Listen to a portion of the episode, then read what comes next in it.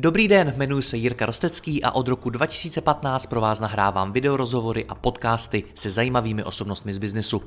Mým cílem je předat vám co nejlepší inspiraci o podnikání a řízení firem, prakticky a dohloubky. Více než 1200 rozhovorů najdete i na mém webu mladýpodnikatel.cz a pokud chcete jít při poslechu ještě více dohloubky a nahlédnout do hlav top osobností českého a slovenského biznesu, přidejte se i mezi naše předplatitele. Nemohl bych to dělat bez partnerů, jako je například Skladon, který e-shopům poskytuje individuální fulfillmentové služby na míru jejich logistickým potřebám. Více informací na www.skladon.cz. Děkuji vám za poslech a teď už další rozhovor.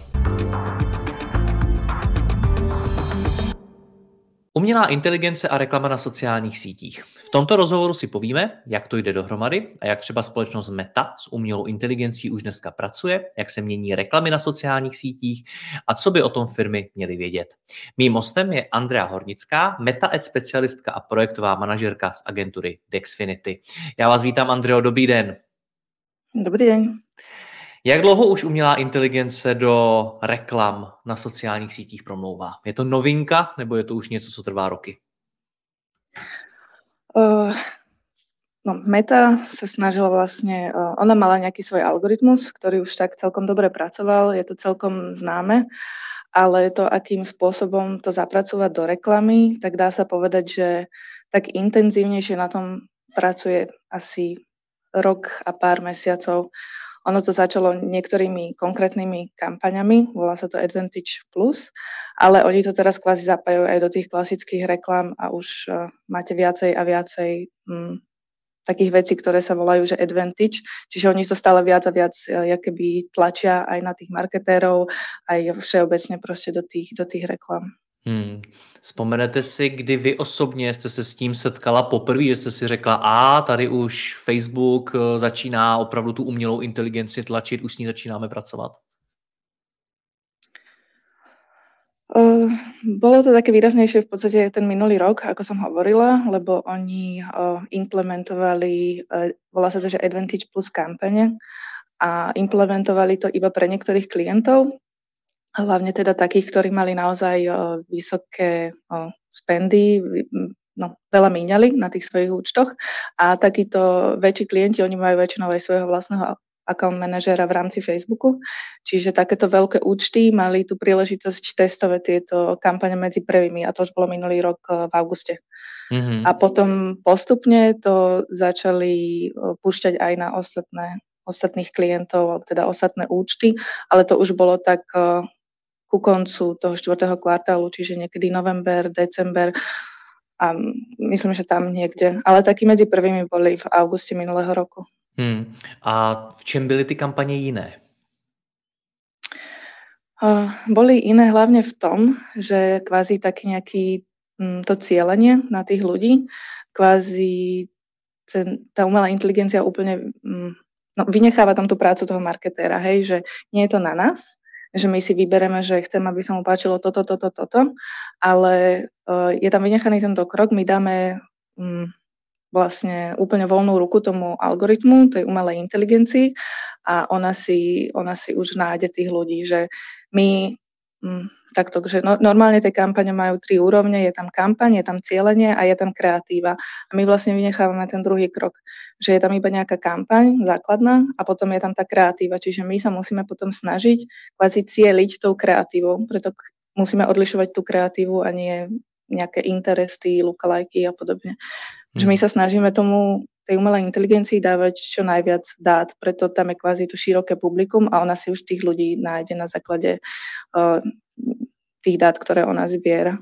Hmm. Já jsem se vás skoro chtěl, Andreo, zeptat, jestli se teda nestáváte zbytečnou. Když říkáte, že to ta umělá inteligence už dělá za vás, tak kde je ta vaše role? To, to určitě nie, protože my musíme... To zacáskou. Hej, hej, hej. Uh, ale akože snažia sa to implementovať, lebo to, toto je iba jeden druh kampaní. Stále tie kampane nie sú úplne vhodné. Zaprvé nie sú vhodné pre každého klienta, nie je to vhodné pre každý segment a nie je to vhodné pre každý trh. Hej, alebo niektorí klienti napríklad, keď majú malý budget, tak im sa veľmi táto Advantage Plus kampaň neoplatí, lebo tam tým, že je tam široké publikum a čím širšie publikum, tým viacej vlastne toho rozpočtu potrebujeme, lebo on kým to rozdistribuje, tak e, on kým si nájde tých ľudí, tak to chvíľu trvá. Čiže tam sú zo začiatku, že e, vyšší vlastne ten spend, ten rozpočet a on si potom, keď si to nájde, tak uh, už to ide lepšie, ale stále neplatí to pre každý trh, pre každý segment, pre každého klienta. Hmm. Že to si, ja si to napríklad tiež vždy testujem pri každom klientovi. Niekde to funguje, niekde to nefunguje. Oni napríklad odporúčajú aj dynamické produktové reklamy a banery a tak ďalej, že všetko dať spolu. Ja si aj toto testujem zvlášť a vždy je to o tom, že ten test musím urobiť ja a rozhodnúť sa, čo je lepšie pre toho klienta. Ja napríklad aj tieto kampane mám implementované iba možno na 30% klientov, ktorých mám, možno 40. Stále sú klienti, niektorí klienti, nie, nemám totiž klientov iba e-shopy, ja mám klientov ktorí mm, lídové projekty, vlastne zbierajú kontakty, tak uh, tam napríklad Advantage uh, Plus ešte nevyužívame, lebo je to vyslovene zamerané na e-shopy. Hmm. Ale oni implementujú niektoré tieto uh, tú umelú inteligenciu, ako som povedala, že také advantage funkcie aj do klasických kampaní, že napríklad to advantage publikum to volajú, alebo advantage umiestnenia. To znamená, že buď, že publikum nechám takéto široké, alebo uh, tie umiestnenia, že nechám všetky. Oni to advantage, ale idem iba o to, aby mali kvázi čo najviac priestoru testovať. Hmm. K tomu se ještě dostaneme k tomu, co, co Meta třeba sama doporučuje versus co je třeba hmm. potom dobrý udělat. Ale ještě bych rád zůstal u té role. Uh, jak, kam se teď tedy posouvá role Meta Ads specialisty, jako jste vy?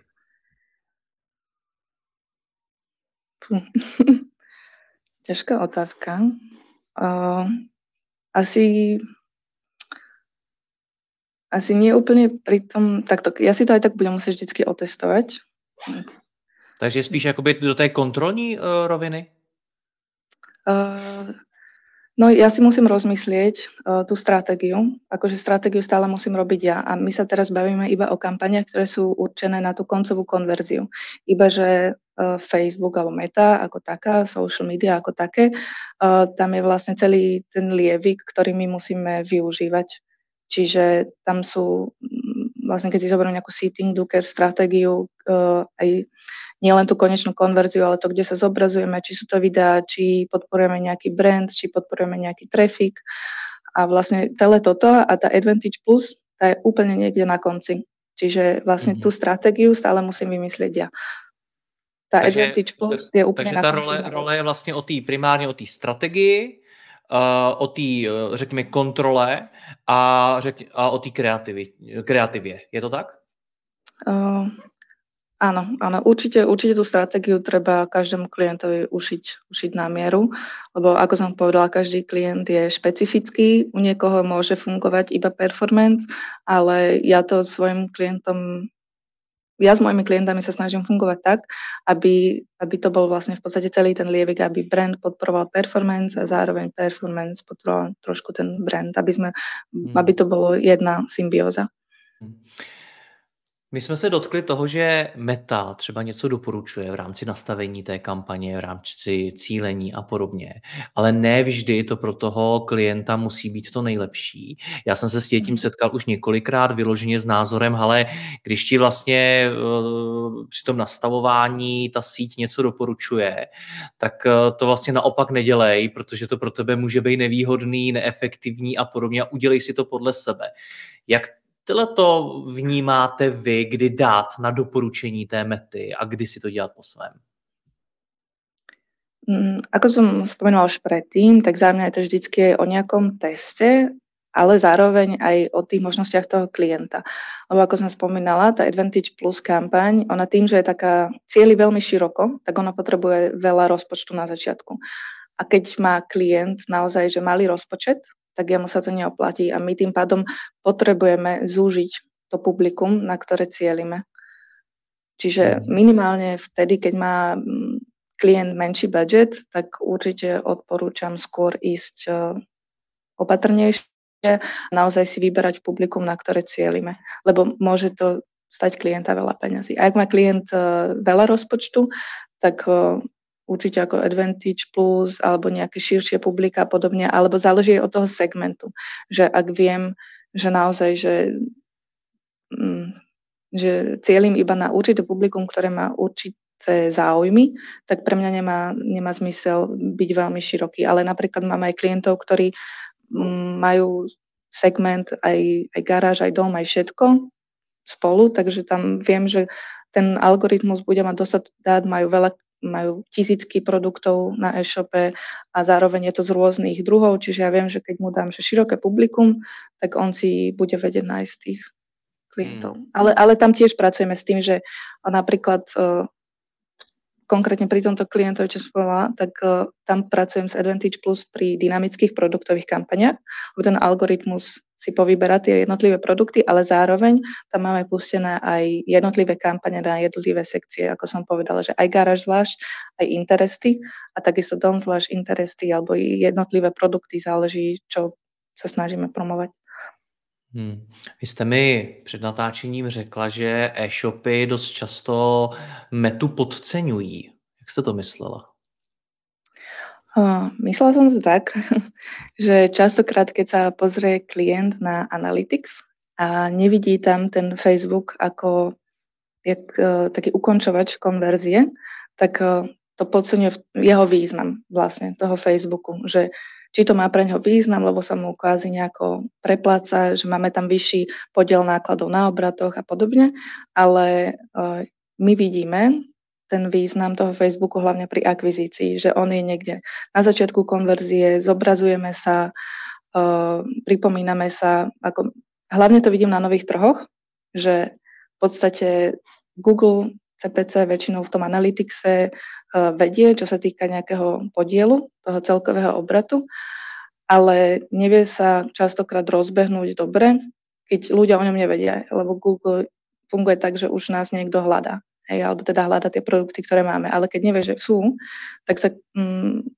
dlhšie, strašne dlho trvá ten rozbeh. A to sme pre, nedávno videli tiež pri jednom klientovi, rozbiehali sme Rumunsko, v podstate ešte rozbiehame, teraz je to tretí mesiac a presne som to videla, že dokiaľ sa uh, nezapol Facebook, v podstate Google tam bežal neviem, možno o 5 dní dlhšie alebo týždeň, tak vlastne dokiaľ sa nezapol Facebook, tak uh, ten rast bol úplne minimálny a keď vlastne ľudia začali vidieť tie veci, tak začali ich potom hľadať aj na Google. Hmm. Je, uh, Áno, pokračujte ešte, ste chtěli něco Ja, hej, ja iba to, že to je akože pri tom novom trhu, ale v podstate aj pri tých existujúcich, tak uh, zase je to iba o tom, že uh, ten Facebook je veľmi dobrý na tú, na tú akvizíciu, lebo ľudia trávia na tých sociálnych sieťach čas. Čiže my keď sa zobrazujeme, tak ľuďom v podstate podvedome dávame nejaké to vodítko na to, aby sa zaujímali aj o tie produkty, aj keď možno na to priamo rovno nekliknú a nenakúpia, ale už tá cesta nejaká tam, tam je. Hmm. Vy jste byla, jestli se nepletu, ve Varšavě na konferenci Facebooku? Uh, áno. uh, nebola to úplne konferencia, bol to taký menší event, volal sa Peak Performance Day. Bolo tam, boli tam vlastne pozvané agentúry z tohto CE regiónu.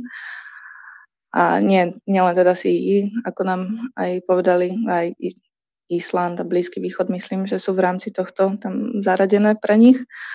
Ale áno, a v podstate všetky také najnovšie informácie, čo sa týka tej umelej inteligencie, mám konkrétne odtiaľ.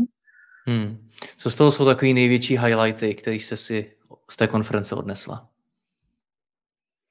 Mm, najväčší highlight bol pre mňa práve k tej umelej inteligencii a k tomu samotnému cieľeniu na tie publika, že tým, že oni nám zobrali kvázi funkciu cieľenia cez tie interesty, zobrali, že máme tam stále tú možnosť, ale v týchto nových kampaniach, tak uh, oni to tak vysvetľujú, že to cieľenie má byť cez kreatívy.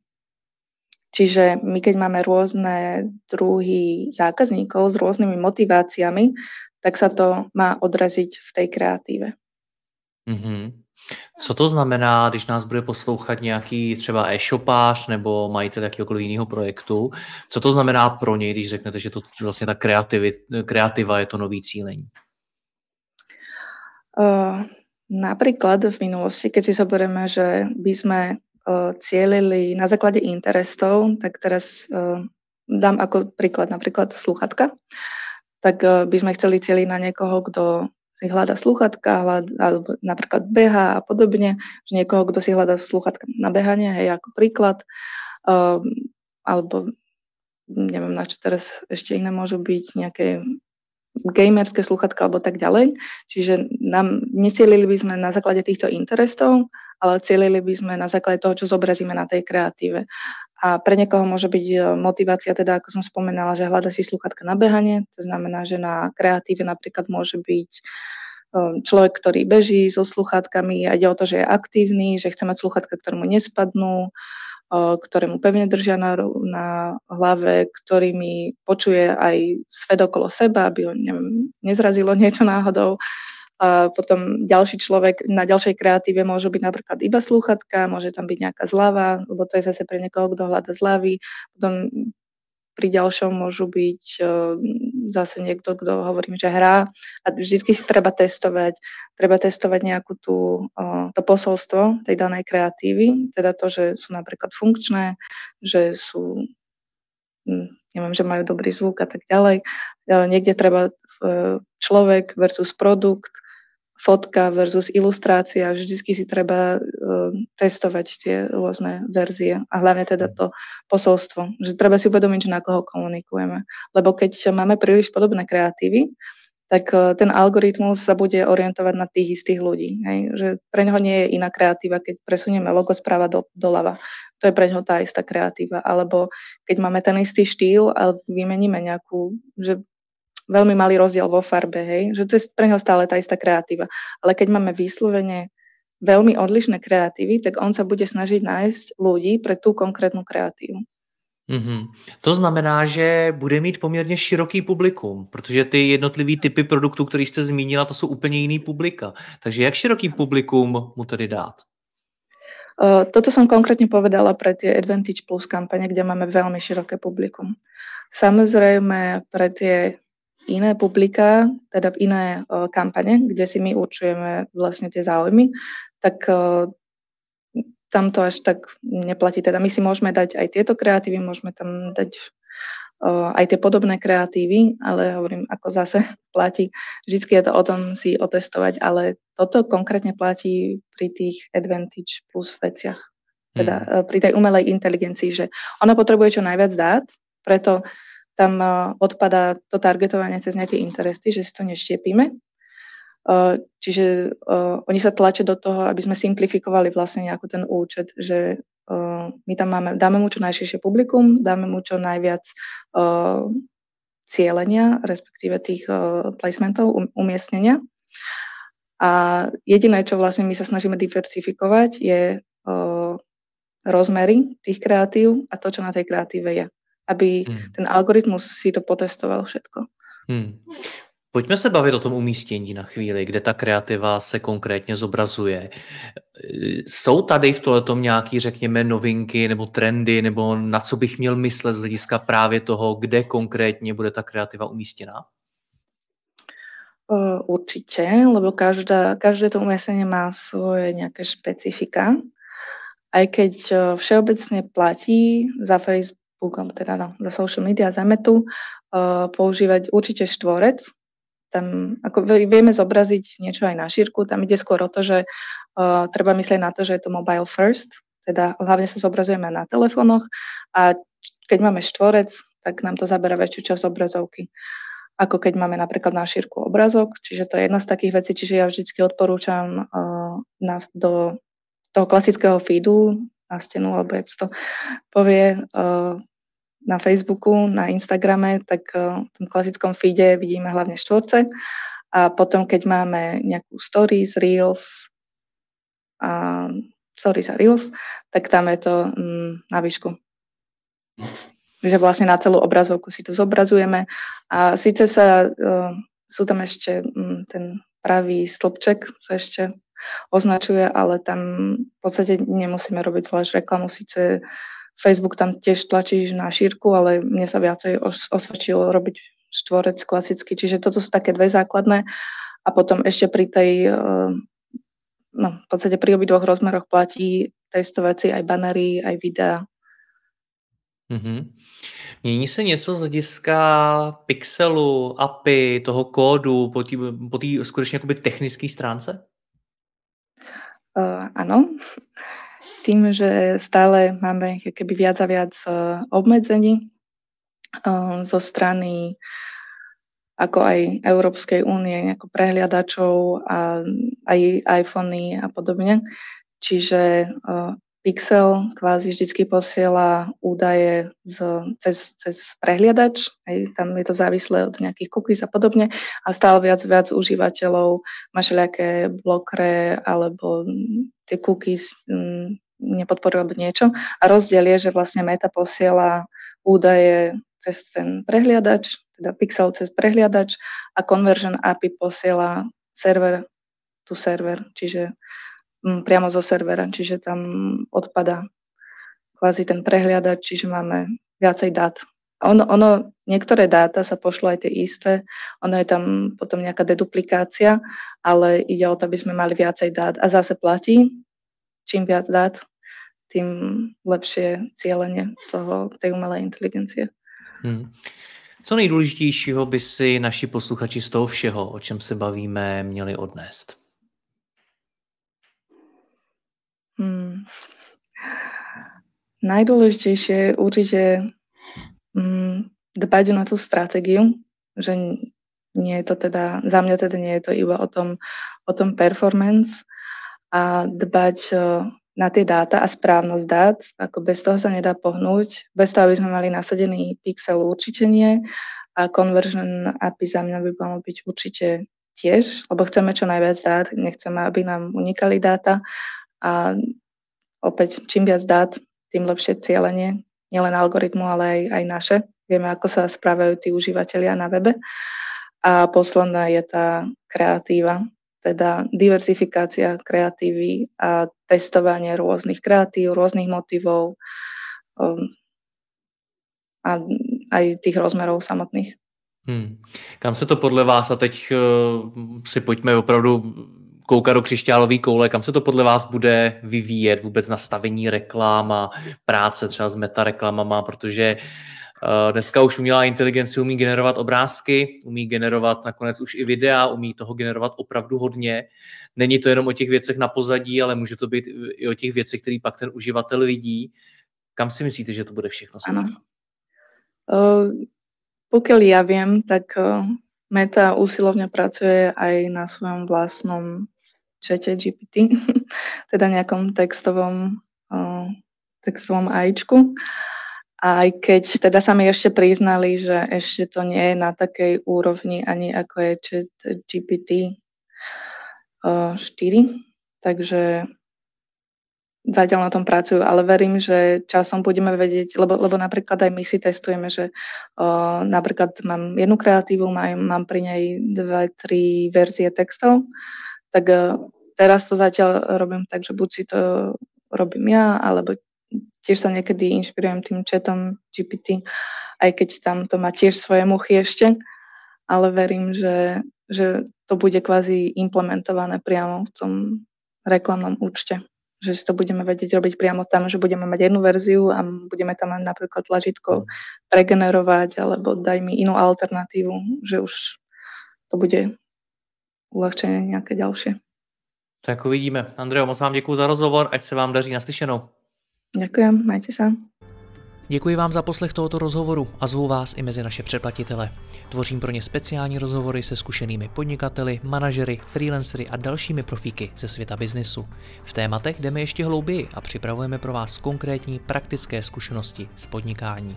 Snadno tak objevíte cené zkratky a informace, které vám pomohou ve vašem biznesu. Více zjistíte na www.mladýpodnikatel.cz lomeno předplatné.